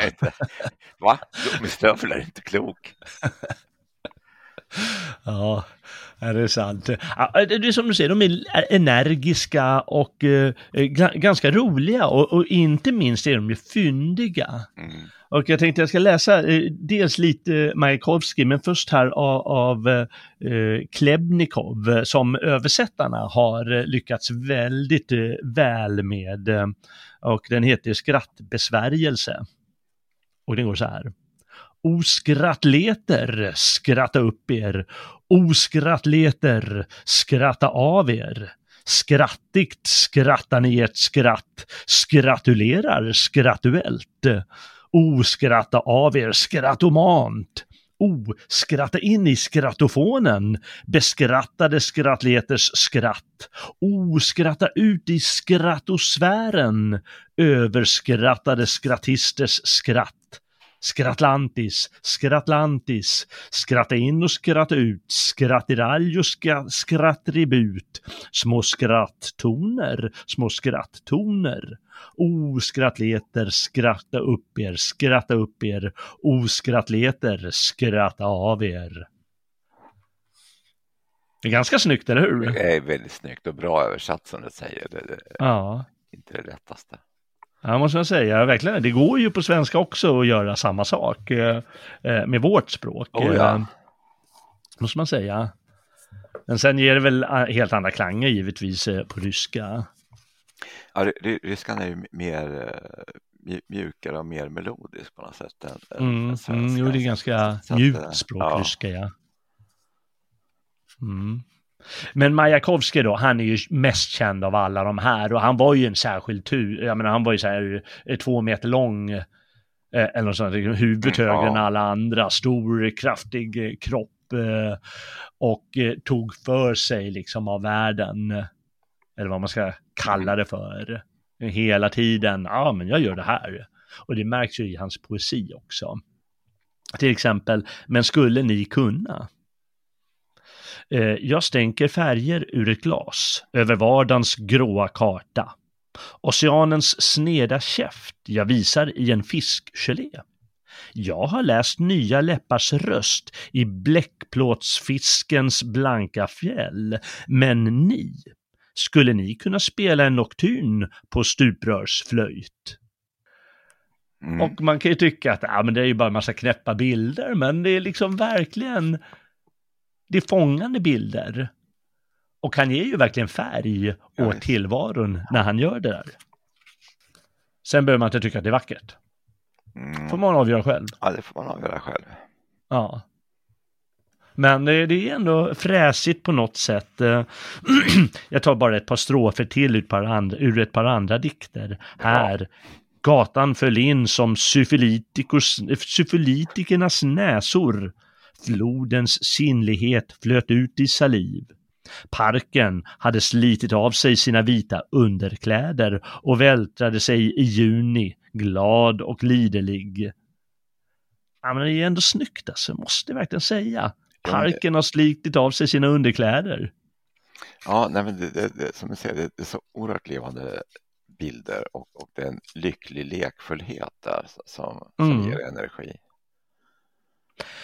de, eh, han och hans polare, de gjorde ju som Eh, man har vissa poeter har gjort i återkommande eh, tider, inte alla, men ibland. Romantikerna gjorde ju det också, Werther i Goethes Werther, han har ju på sig gul väst till exempel, för att det är så, det ser man på en gång, de här mm. kläderna.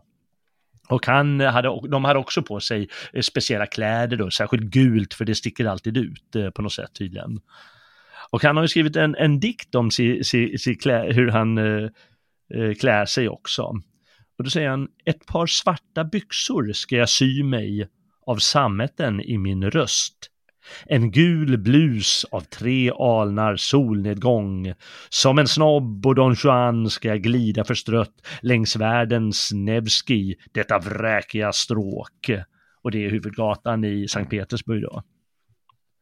Och sen fortsätter dikten. Men, ja, men det, det, är alltså, det är ändå påhittigt och eh, när det är välgjort så, så är det snyggt alltså. Ja, och, och, men, men det kräver mycket. Eh, mm. det, det, är få som kommer undan med det utan att det låter fånigt. Men eh, Majakovskij gör det och, och eh, som det viktiga är som du sa, själva hans framtoning som person, alltså som även framgår i, i, i foton och sådär. Alltså att han är ju lite större än livet själv, alltså. Han, tar för sig. Det är inte mm. alla som kan bära upp en så här. Nej, nej, verkligen inte. Den här Precis. typen av poesi. Ja, han klarar det. Och eh, vi, kan ju, eh, vi kan ju tillägga att eh, den här sortens poesi som de skapar, eh, det finns ju även i övriga Europa. Och sen har ju ryssarna sin stil på det hela givetvis och sin inställning, men liksom vi pratar om de här italienska eh, futuristerna och det finns så, här, så kallade dadaisterna i Frankrike och Schweiz och Tyskland eh, och surrealister som har en liknande inställning. Så det är inget enskilt ryskt fenomen utan de är nej, återigen en del av kultursammanhanget som finns i övriga Europa. Men det, det, det, det blir de ryska och italienska futuristerna eh, både bättre och intressantare därför att de ingår i ett, i ett sammanhang som, eh, som ändå rör sig framåt även om de mm. till slut kom på kant med, med, med detta allt deras mm. rörelse framåt. Med, med stadaister och surrealister och andra modernistiska riktningar. De, de, de, de är ju bara nedrivande. De, de, är ju bara mot allt mm. det gamla. Medan mm. ryska och italienska futurister eh, vill framåt no. och bygga upp någonting. Mm. Ja, Jo, det är synd att de rycktes med, att eh, föll inte alltid Lenin och Stalin på läppen, eh, de här herrarna. Ja, det var en sån här, det, det var ju en, en, det förklarar mycket av utvecklingen som kommer sen. Man, man såg ju litteraturen som, som att futuristerna går in i en fälla. De, de ser litteraturen som användbar och vi ska delta i det här uppbygget. Mm. Men, de som bestämmer har ju precis samma syn, litteraturen ska vara användbar, men gör bedömningen att Ja, men det här alltså, vi har 150 miljoner bönder som ska med på båten eh, och de kommer inte fatta det här vad, Majakovskij, vi behöver liksom Majakovskij direkt dikt går inte hem liksom i Omsks utkanter, det behövs någonting annat. Mm. Eh, och då, då stryps futurismen och man, man stampar fram andra typer av författare. Ja, precis. Och de har ju en del, eh, de har ju då ett antal stora prosaförfattare på 1900-talet. Eh, eh, jag har skrivit upp några av de mest kända, Andrei Bellys bok Petersburg. Mm. Den är ju återigen en, med det här absurda inslaget nästan att, eh, vad står det här, jag läser på baksidan, en bomb tickar i en sardinburk, mm. en röd dominus sprider skräck på gatorna, en staty av Peter den store stiger nattetid ner från sin sockel. Och själva staden uppstår ur skuggorna tar mänsklig gestalt. Eh, eh, ja, det är inte så rakt igenom, men det är lite den känslan som finns i boken att det här Petersburg år, eh, det är nog på 1910-talet, eller de ska vara lite tidigare, eh, att det får liv på ett särskilt sätt. Eh, eh. Ja, och, och samtidigt, och samtidigt så, så, är det ju, ser man ju kopplingen tillbaka till, till, eh, folklig berättarkonst och eh, legender alltså. Det är samma sak mm. där. Det, det, är ingenting konstigt om, om en staty får liv i en gammal rysk legend och börjar röra på sig och vandra på gatorna på nätterna eller i, i, i folklig berättarkonst så upplöses ju ofta eh, de här gränserna mellan, mellan vad vi kan ta på och vad vi inte kan ta på. Och, mm. och på något sätt så, så ibland knyter ju liksom modernistiska författare tillbaka till och Beli gör det på ett uh, väldigt bra läsvärt sätt. Mm. Och en som excellerar i det där är förstås uh, Bulgakov. Mm. Eller Bulgakov säger man kanske. Ah, nu tappade jag förnamnet. Mihail. Mihail. Och han är också ukrainare va?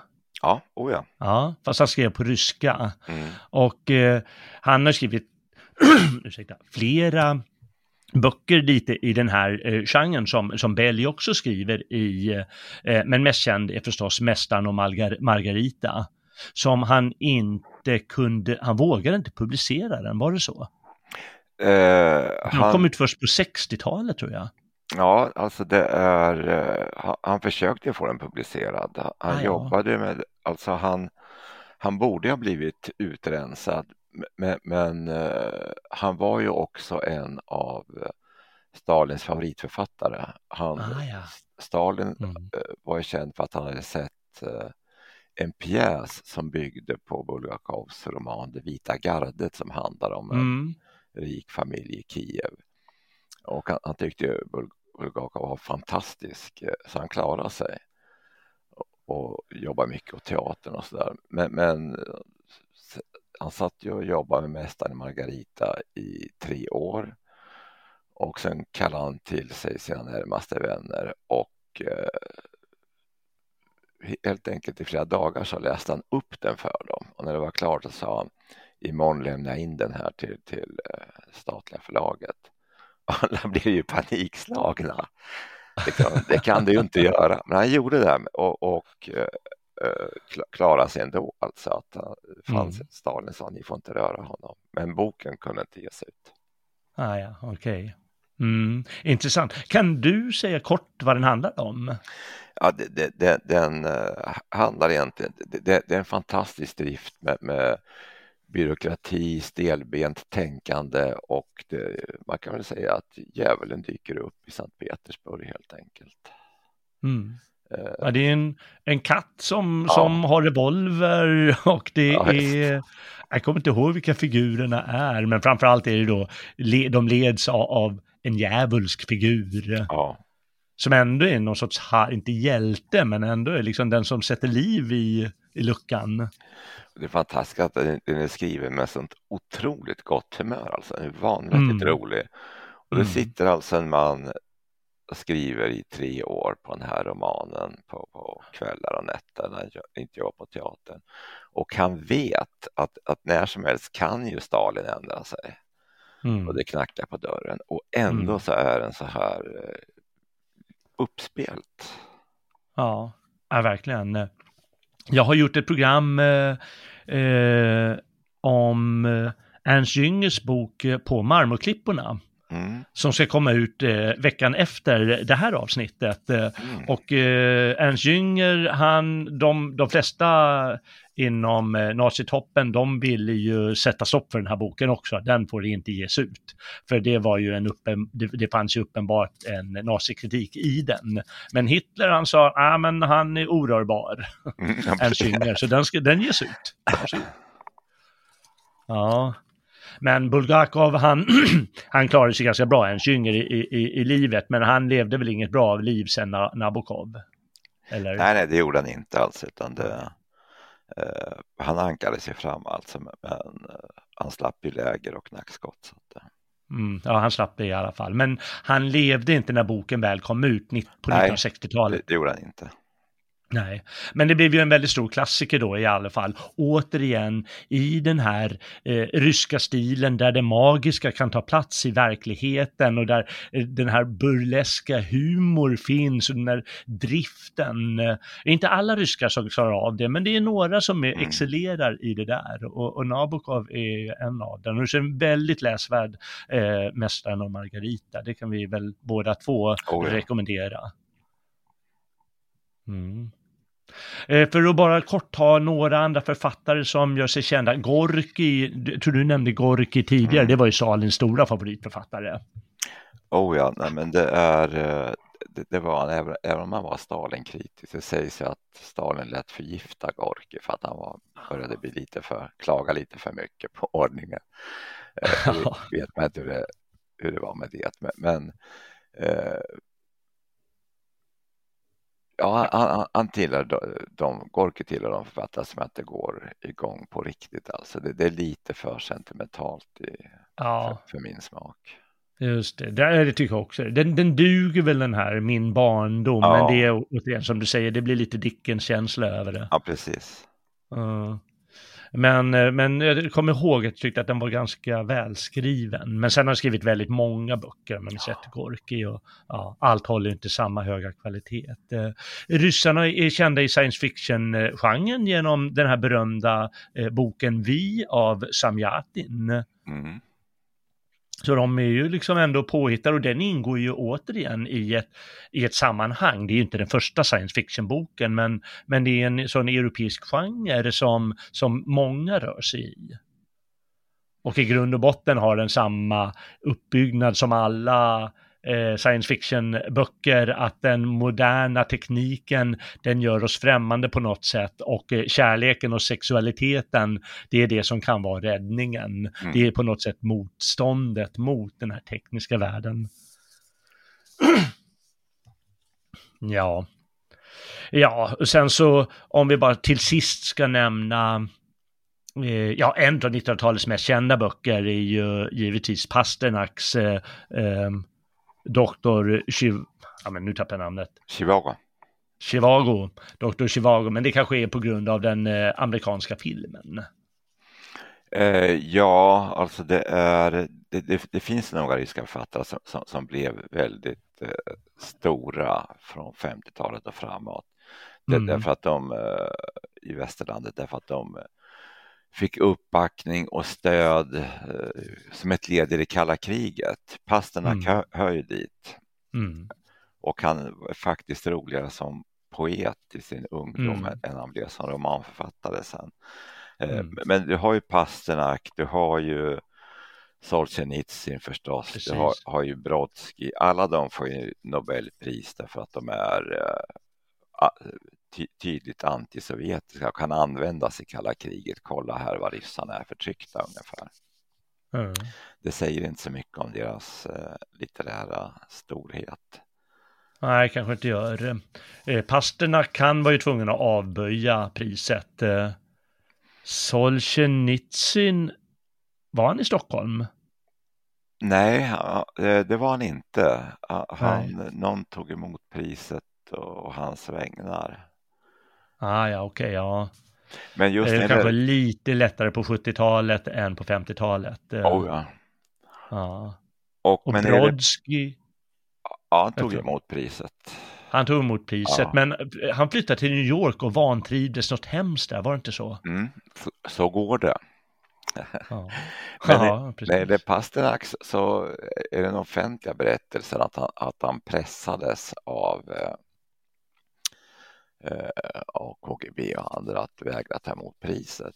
Ja. Eh, det är nu inte alldeles givet alltså därför att man får inte glömma bort att det finns en stark, även bland oppositionella ryska författare eh, så har det funnits en väldigt stark strömning av att vi även om inte vi tycker om regimen, så det här håller vi mellan oss ryssar vi, vi ska inte låta oss eh, le, liksom, bli ett led i västerlandets kampanj. Ett väldigt bra exempel är ju eh, Solzhenitsyn är oerhört uppburen i väst då. Mm.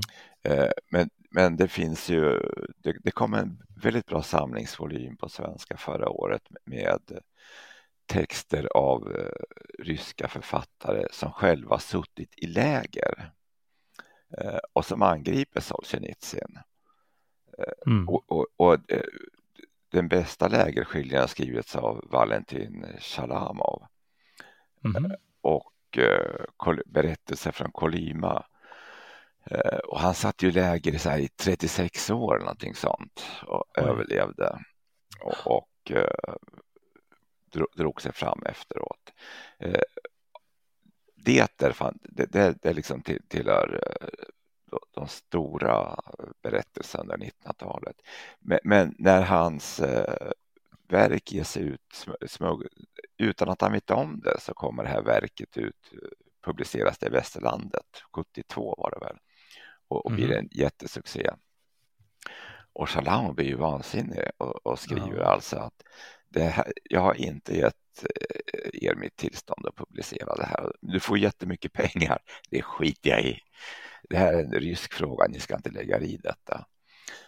Mm. Så att i, västerlandet tror vi liksom ofta att eh, ryska författares högsta dröm det är liksom att komma ut på ett västerländskt förlag. Ja, det. Och det gäller ju en del av dem som, som Solzhenitsyn och Brodsky. Men som jag sa, Brodsky blev ju synnerligen olycklig och, och mm. eh, Solzhenitsyn återvände ju hem. Ja, precis. För att västerlandet var inte vad han trodde. Nej, nej.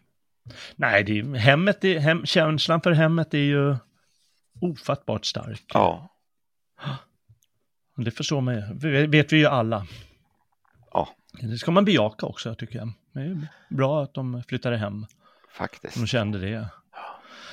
Jaha du, nu har vi rört oss från eh, 1100-talet och Nestorskrönikan eh, eh, skapades fram till åtminstone Brodsky eh, ja. på 80-talet. Och vilka av alla de här tycker du är bäst? Eh, en jag inte nämnt, eh, Vasilij mm. Grossman. Ja, nu vet jag inte vem det är. Eh, skrev en, eh, den kom väl för en 20 år sedan. Det hade också varit förbjuden länge, heter Liv och öde. Eh, det, det, är en tegelstensroman alltså, den, den är väl mm. på 800 sidor tror jag och Grossman var själv eh, frontreporter i Röda armén under andra världskriget och skrev från alla stora krigsskådeplatser och hans reportage mm. finns också utgivna. Men, men det här är en sån här storslagen berättelse om Eh, som jag tror är väldigt bra att läsa idag när det med tanke på kriget Ryssland och Ukraina Då handlar det om, om Ryssland och eh, Tyskland. Där han liksom eh, skildrar kriget eh, effekter i Ryssland på alla sociala nivåer men även får med det tyska och, och det blir liksom en bild av att, att ibland sätter sig krafter i rörelse så, som inte går att kontrollera för den enskilda människan oavsett var i samhället man befinner sig. Eh, mm. Det är en väldigt neutral skildring av kriget trots att han varit så delaktig. Och det, det, är mer en fråga om att eh, och slutsatsen blir ungefär att nej, man, man, får försvara sitt eget land alltså. Det, det, det är där man hamnar till, till slut. Men det, mm. det, är en mm. storslagen berättelse så att det ja. rekommenderar jag varmt. Okej, okay. och vad heter boken sa du? Liv och öde. Liv och öde. Bra. Ja. Spännande. Eh, nu, nu ska jag läsa upp eh, det som, ja, det är nästan det bästa av allt på ryska. Okay. Och det är eh, kosackernas svar till ja. eh, sultanen Mohammed den fjärde på 1600-talet eh, som krävde underkastelse av dem. Och då skrev de ett skarpt brev tillbaka som lyder så här. Din turkiske satan! Den förbannade djävulens broder och kamrat och själva Lucifers sekreterare. Vad är det för en avgrundsriddare? Hin onde spyr ut vad din här slukar. Du är inte värd att ha kristna folk under dig. Din här fruktar vi icke. Till lands och sjöss ska vi slåss med dig, din babyloniske köksmästare, makedoniske tunnbindare, Jerusalemska bryggare. Alexandrinske getabockstjuv, Stora och Lilla Egyptens svinaherde, Armeniska galt, Tatariska bagge, Kamenats slaktardräng, Pololiens missdådare, själva djävulens ättling, all världens tokstolle, svintryne och hästrumpa, rödhåriga hunda, hynda, odöptas, odöpta skalle, måtte hin onde taga dig. Så svarar kosackerna dig, din hedning. Datum känner vi icke, ty vi hava icke kalender.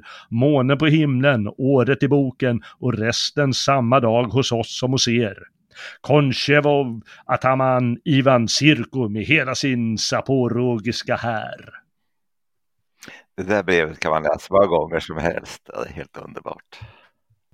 Det, ja, det är häftigt eh, och eh, kosackerna är, det är också ett ryskt folk. De är väldigt lika eh, ryssarna och, och ukrainarna och vitryssarna. Sen känner jag inte till så mycket om deras övriga litteratur. De skrev inte så mycket, förutom det där brevet tror jag. Ja, precis. Jaha du Boris, ja men det är fantastiskt vad du var kunnig inom rysk litteratur.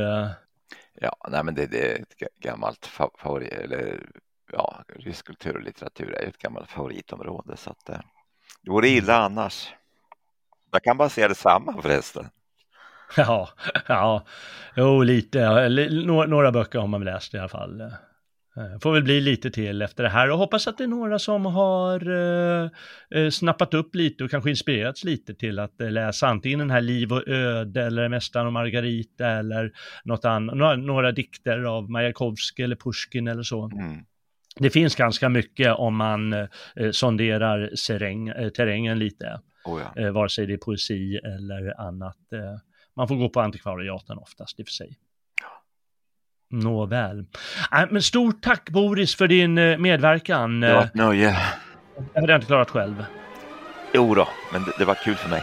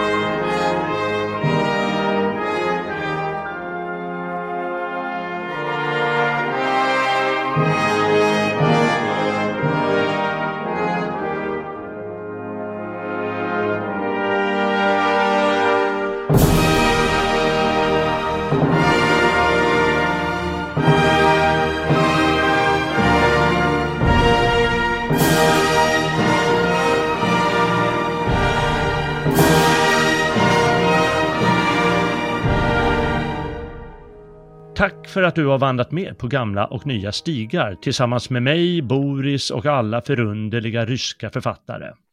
Det här avsnittet blev hastigt inkastat för att förespråka lite balans i den hets som förekommer i både media och bland vanliga människor. I slutändan innebär det en olycklig splittring mellan oss kaukasier. Nästa vecka återgår vi till det vanliga schemat. Då blir det ett samtal om Ernst Jüngers roman På marmorklipporna med mig och Lennart Svensson. Vill du kommentera dagens eller tidigare avsnitt på gamla och nya stigar eller kanske önska teman som vi bör ta upp är du välkommen att skicka ett mejl till jalle.svegot.se J-A-L-L-E svegot.se. Vet du förresten att man kan lyssna på alla tidigare avsnitt av På gamla och nya stigar, liksom övriga podcasts på Svegot? Gå in på svegot.se och klicka runt där. Och om du gillar våra program får du gärna stödja oss genom en stödprenumeration eller donation. På svegot.se kan du läsa hur du kan göra det. Det är frivilligt, men stödprenumeranter erhåller särskilda bonuspoddar. Stort tack till alla stödprenumeranter som gör vår verksamhet möjlig. Jag heter Jalle Horn och tackar för mig för den här gången. Hoppas att du vill vandra med nästa vecka på Marmorklipporna. Väl mött, frände!